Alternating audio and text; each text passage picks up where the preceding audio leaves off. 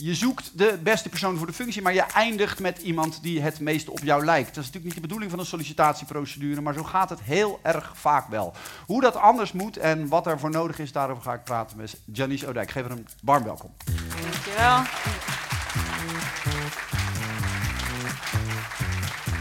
We gaan het hebben over sollicitatieprocedures, over wat er allemaal mis is, over discriminatie en uitsluiting. Want dat is eigenlijk waar jouw onderzoek voor een deel over gaat. Hè? Ja, ja, ik heb inderdaad onderzoek gedaan naar discriminatie bij werving en selectie. Um, maar ik heb ook onderzoek gedaan naar wat kan je nou doen om discriminatie bij werving en selectie uh, tegen te gaan en om juist gelijke kansen te creëren. Ja, daarover zo meteen, maar eerst even om de ernst van het probleem even neer te zetten. Hoe manifesteert zich die, die, die, die, die, die, discriminatie als het gaat om het, het, het zoeken naar personeel? Um, nou ja, dan moet je je voorstellen, je gaat solliciteren voor een functie. En um, dan, dan ga je eerst uh, kijken online, je ziet een leuke vacature. En dan het eerste wat je vaak moet doen is een cv opsturen. En uh, ja, je hebt daar misschien wel ervaring mee. Wat doe je dan? Je maakt je cv op, je zet uh, je foto erop vaak, je naam, je, alle, alle gegevens, werkervaring, misschien hobby's. Oftewel heel veel relevante informatie, maar mm. ook heel veel irrelevante informatie. Zoals je woonplaats, dat is eigenlijk niet relevant, maar ja, dat zet je er gewoon op. Ja. En dan gaat dat naar de recruiter of de HR-manager en die, die leest dat door. En wat zien we nou in het onderzoek? Um, op het moment dat er een Nederlands klinkende naam op een cv staat, dan is er tot 30, van 30 tot 50 procent meer kans om dan uh, een positieve reactie te krijgen dan ja. als er een buitenlands klinkende naam op staat. Dat is al één. Um, wat, wat, nou, daarna, stel je wordt, hè, gaat door die eerste ronde heen, dan kom je in de tweede ronde, het interview. Wat zien we in het onderzoek? Ook bij dat interview is er weer een kans om gediscrimineerd te worden op het moment dat je bijvoorbeeld hè, er anders uitziet. Of uh, dan de persoon die je tegenover je hebt als een recruiter het idee heeft van hé, hey, deze persoon, daar herken ik me in, die lijkt op mij. En, uh, of hé, hey, ik heb ook op die school gezeten. Dat geeft echt zo'n gevoel van, van herkenning, van, vertrouw, van vertrouwen. Ja. En uh, dan, dat leidt er dan vaak toe dat er bias optreedt. Want, ja, ja. ja we, we, kunnen misschien zo nog wel even hebben over een aantal van die, hoe, hoe dat dan precies gaat, hè, door in ja. te zoomen op zo'n, op zo'n bias. Uh, maar je bent begonnen met uh, een masterthesis al op dit onderwerp een paar jaar geleden. Dat was, en daar heb je een prijs voor gewonnen ook. Um, natural black, black hair, de, en wat daar gebeurde. Ja. Kun, je dat, kun je dat uitleggen wat daar zo fascinerend aan was, wat je daar zag gebeuren? Uh, ja, nou, mijn masterscriptie, ik, ik, heb dus arbeid- en organisatiepsychologie gestudeerd. En tijdens mijn master leerde ik al een beetje over het werving- en selectieproces en bias. Ik zal even toelichten voor de mensen die niet weten wat dat is. Je hebt discriminatie, hè, dat, dat, kennen we. Dat is wanneer op basis van kenmerken zoals ras of etniciteit, gender, of het staat in de wet, hebben van een beperking of andere kenmerken die niks met de baan te maken hebben, als die mm. ertoe leiden dat jij minder kans maakt op een baan. En bias, dat gaat dan over de uitkomst vaak. Hè? Als er, nou, je kijkt naar zo'n sollicitatieproces, als er minder mensen, minder vrouwen worden aangenomen dan die 50% vrouwen die zich hebben aangediend, ja. hè, dan is er sprake van bias. Ja. Um, en jouw vraag was, ja, wat was je vraag eigenlijk? Nou, hoe dat zit met, hoe dat zit met, met zwart haar en masterthesis. Dus daar, daar ging je dat, ja, dat ja. volgens mij voorgelegd, uh, die cv's waar je het net over had, ja. die legde je voor aan uh, mede, medestudenten, geloof ik. Ja, hè? klopt. Dus uh, waar, we dan, waar ik het dan over heb gehad, is hair bias, black hair bias. En ik had dus, ja, ik was tijdens mijn scriptie van waar ga ik het nou over hebben? Ik wil sowieso naar dat selectieproces kijken, vind ik gewoon mega interessant. Uh, ook bias. En toen kwam ik op een onderzoek en die liet zien dat als jij als donkere vrouw met kroeshaar of met een afro naar zo'n sollicitatie gaat of een cv indient met een foto, dat, dat beoordelaars jou dan lager beoordelen op professionaliteit. En, en, dat je dan ook minder kans hebt om aangenomen te worden. En toen dacht ik, hé, hey, ik heb hier nooit zo bij stilgestaan. Maar haar is wel iets wat eigenlijk uh, voor mij als zwarte vrouw gewoon een heel belangrijk onderdeel is. En, je zegt, uh, ik had er nooit bij stilgestaan, maar had je het ook nooit meegemaakt tot dat moment? Ja, ik had het wel meegemaakt. Ja. Uh, Eh, maar ik had het dus nog niet gezien in het onderzoek. Omdat in het onderzoek, hè, daar is eigenlijk ook een bias. Want eh, er wordt heel veel onderzoek gedaan eh, naar... eh, Witte ja, mannen van witte middelbare leeftijd. mannen van tuurlijk, middelbare ja. leeftijd. En minder naar eh, eh, minorities. En zeker de dubbele minorities. Hè. Als Ja. je een vrouw bent, ben je minority. Hey, en even, want we kunnen hier heel lang over praten, maar we willen toch een beetje tempo erin. Als het gaat om die, die je ging dat aan 100 eh mede-psychologie-studenten voorleggen. Eh, eh, daar was het eh, niet veel beter gesteld dan in het onderzoek wat jij was tegengekomen, toch? Nee, nee, in eerder onderzoek eh eh, rolt eigenlijk bijna altijd hetzelfde. De eerste onderzoeken verschenen echt eh 30, 40 jaar geleden. Eh, en daaruit komen die cijfers die ik net noemde. Hè? Als je minority bent, heb je minder kans. En uit mijn onderzoek bleek dus ook dat de vrouwen met kroeshaar en de mannen met dreadlocks... die werden lager beoordeeld op professionaliteit dan de mannen met stelhaar, het eurocentrische uiterlijk. Eh, en het grappige is, ik, dat, dat waren de cijfers, hè, de beoordelingen. Maar ik heb ook interviews gehouden met die studenten. En dan vroeg ik van, joh, eh, wat vind je daar nou eigenlijk van, eh, van, van discriminatie bij werving en selectie? En allemaal zeiden, dat vind ik niet oké. En Ja. eh, dat hoort niet. eh, iedereen zou gelijk behandeld moeten Ja, worden. dit is, dat, dat- dit, Dus dat is dit, dit interessant, hoor je hè? veel. Hè? Wat, Ja. i- wat is dit nou? Wat is het nou dat mensen over zichzelf zeggen... eh, nee, ik, ik strijd misschien zelfs tegen discriminatie of oneerlijk gedrag... Of oneerlijke beoordeling. Ik wil dat tegengaan. Ik zie geen kleur, hè, is dan iets wat mensen vaak zeggen. Een hele dubieuze uitspraak natuurlijk. Hm. Ehm, en dat er toch die uitkomsten zo zijn. Wat, hoe, hoe duid jij dat?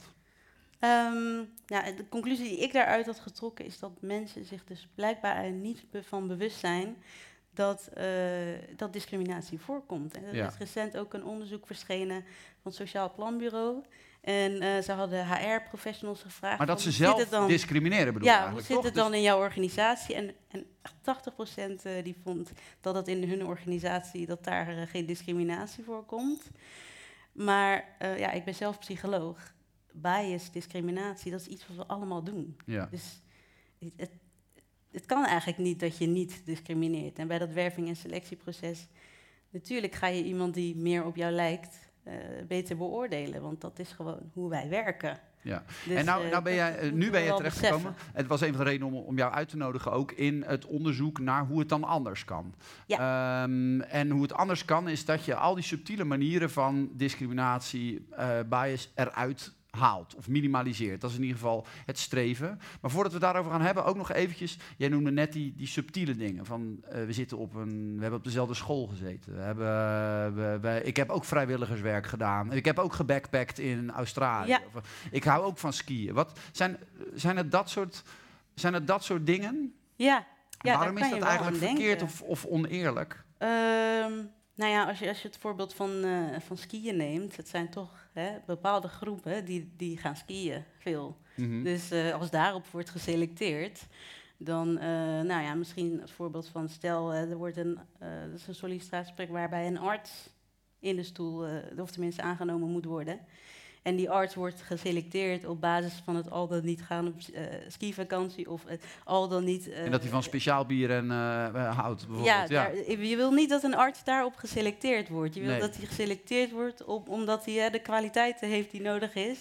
Om Zijn hier cijfers over te noemen? Welk percentage van... Want dit is natuurlijk heel lastig. Want als je mensen het gaat vragen... dan zegt niemand... ja, nee, die cardioloog die hebben we genomen... omdat hij, eh, omdat hij inderdaad zo leuk kon vertellen... over zijn, eh, zijn vakanties naar, naar de Alpen. Nee, nee dat, dat niet, maar niet direct. Hè, Maar je Mhm. hoort wel vaak van, nou, we vinden het wel belangrijk dat iemand bij het team past. En dat, iemand, eh, hè, dat we een klik hebben met... Als er dat soort dingen gezegd worden... dan gaan bij jou alle alarmbellen al af? Of? Een beetje wel.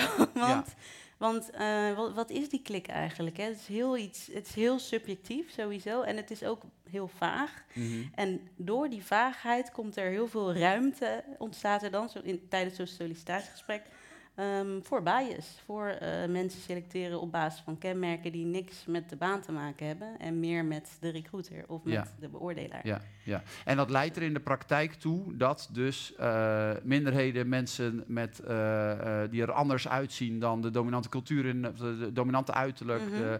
de- ni- heel veel niet-witte mannen, om het maar even heel simpel te zeggen, Ja. die zijn de sjaak. Ja, die hebben dan minder kans. eh, ja, ondanks dat ze wel dezelfde kwaliteiten hebben. Dus Ja. eh, ongelijke kansen in wel gelijke Logisch dat, je, logisch dat je dit wil aanpakken, lijkt me. Ja? Eh, het ministerie kwam met die vraag bij jou terecht en bij jou en een collega, het team van onderzoekers van de Erasmus Universiteit en Mhm. TNO, waar je nu ook werkt. Dat klopt. Ehm, wat, was, wat was het verzoek waarmee ze naar je toe kwamen? Ehm, nou, het ministerie is al een hele lange tijd bezig eigenlijk eh, met eh, eh, het probleem van ongelijkheid op de arbeidsmarkt. En ze hebben een pilot lopen, dat heet kansgelijkheid ja, bij werving en pilot nudging in werving en selectie. En zij hebben een aantal tools ontwikkeld die dan ingezet kunnen worden door HR-professionals of HR-afdelingen. Ehm, om ervoor te zorgen dat er eh, ehm, objectiever wordt gekeken naar, eh, naar kandidaten en naar functies en hoe je die kan vullen.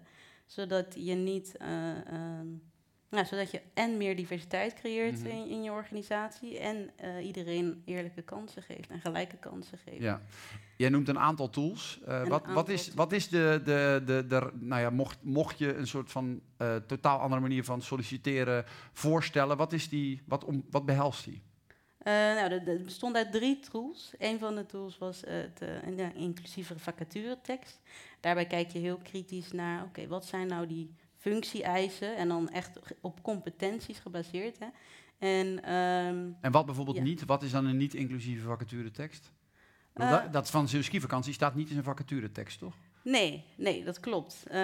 Dat, of tenminste, mag ik hopen niet. Ja, tenzij het natuurlijk een vacature is voor ski-instructeur. voor Sunweb of zo, ja. ja. Maar ehm, eh, een, niet-inclusieve vacaturetekst kan bijvoorbeeld zijn... oh, wij zijn op zoek naar eh, starters op de arbeidsmarkt. Eh, en dan, eh, eh, je wil, dan ben je niet misschien bewust aan het discrimineren... maar je, je, je spreekt dan wel een bepaald soort eh, eh, so- kandidaat aan... die misschien jong is, hè? En dan eh, de ouderen die voelen zich Ja, dan minder, ja. minder geroepen om te solliciteren. Maar goed, dat, daar heb ik zelf, eh, eh, daar hebben wij niet naar gekeken. Want de tweede tool is dan het objectieve eerste selectie. Daarbij doen we eigenlijk alle cv's weg en kijken we echt alleen naar competenties en stellen we de vragen. Stellen we een aantal vragen die sollicitanten dan kunnen invullen. Bijvoorbeeld, ehm, ja, hoe- zit het met jouw samenwerkskills? Eh, kan je een voorbeeld geven waarin je eh, moet samenwerken? En dan typt hij dat eh, uit en dat gaat naar de recruiter en dat wordt dan beoordeeld. Dus iedereen krijgt dan dezelfde vraag. Ehm, en iedereen wordt ook op dezelfde manier beoordeeld. En dan heb je de derde tool, dat is gestructureerd interviewen. En daarbij wordt, is ook het principe, het belangrijkste principe, iedereen dezelfde hoeveelheid tijd, iedereen dezelfde vragen. En eh, vooral iedereen ook dezelfde procedure. Dus eigenlijk hetzelfde behandelen, gelijk Ja. behandelen. Ja, zodat, dus, eh, dus als ja. ik het goed begrijp, ontleed je eigenlijk van welke, welke competenties en vaardigheden zoeken we Ja, hier bij deze functie? Baanrelevantie, dat is een belangrijk onderdeel. Ja. Eh, en daar ga, je, daar, daar- ga je heel helder vragen voor opstellen. En dat ga je uitvragen bij die mensen. En je gaat jezelf eh, beheersen om niet te gaan vragen van... joh, kook, hou je van koken? Ja, Of, dat is dan wel verleidelijk, hè? Om dan Ja. toch eh, een beetje... het is toch ook mensen eigen om op zoek te gaan naar wat jij zegt, wat die klik. Of wie is nou die persoon die tegenover me zit? Waar, waar hou je, je wilt toch, je wilt weten, waar hou je van? Wie ben je? Wat vind je leuk? Wat, Zeker, dat, en het is dat niet onbelangrijk. dat hè? mag niet meer. Nou ja, ik zou niet zeggen dat het niet mag. Maar eh, misschien is het, werf, is, is het sollicitatiegesprek daar niet het moment voor. Hè? Want het kan ook zijn dat je misschien de eerste keer dat je iemand tegenkomt geen klik hebt. Maar naarmate je langer met iemand werkt, opeens denkt van... hé, hey, dat is eigenlijk best wel een toffe kerel. Ja. Dus eh, ja, die eerste indruk, die daarvan zien we, die, die, is zo, die kan zo sterk zijn. Hè? Die kan heel dat, heel, dat, eh, heel dat sollicitatieproces kleuren. Als het in het eerste moment eigenlijk al is bepaald van... eh, oeh, ik vind je eigenlijk niet zo. ja. Eh, en het is niet gestructureerd, dan, dan is er een neiging om die persoon dan ook... eh, ja, Nu de hamvraag, nu de hamvraag werkt het. stellen. Ja, Oké, nou dan was Het het, Janice gelukt. het Nee, werkt. maar het werkt. Het is een, het is een, en dat meet je omdat je merkt dat je minder uitsluiting tegenkomt dan je Ehm, in nou alternatieve procedures zag. Wat we hebben gedaan is, we hebben voor, voor, dat, voor die eerste tool hebben we gekeken naar eh, heel veel cv's.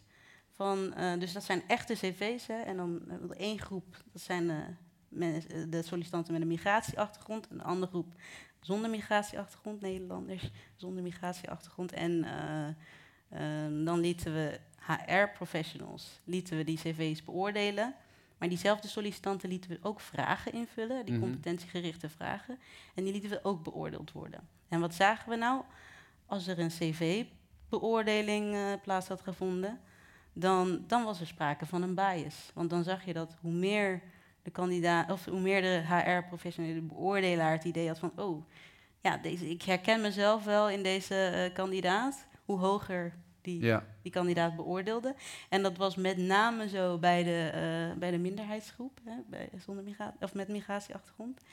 Uh, terwijl als er dan gestructureerd was, dan viel dat helemaal weg. En de betrouwbaarheid was ook veel hoger uh, dan, dan bij het ongestructureerde. Ja. Dus de, in ieder geval het ministerie, de overheid gaat hiermee aan de slag. Ja, Toch, zou je nou denken? Ja, nou ja, er is zelfs een wet uh, die uh, is aangenomen door de Eerste Kamer ook. En dat is de wet toezicht op gelijke kansen of toezicht op gelijke kansen in werving mhm. en selectie. Ja, maar gaan ze ook met deze methodiek aan de slag in de sollicitatie? Dat zijn ze al, uh, daar zijn ze al heel lang mee bezig. Want TNO die heeft, ja, voordat wij het evaluatieonderzoek hebben gedaan, hebben zij uh, met bedrijven dit proberen te implementeren. En mhm. ook gekeken van, joh, is het praktisch toepasbaar? Is het vinden ze het fijn om ermee te werken? En daar kwam uit van uh, het is praktisch toepasbaar.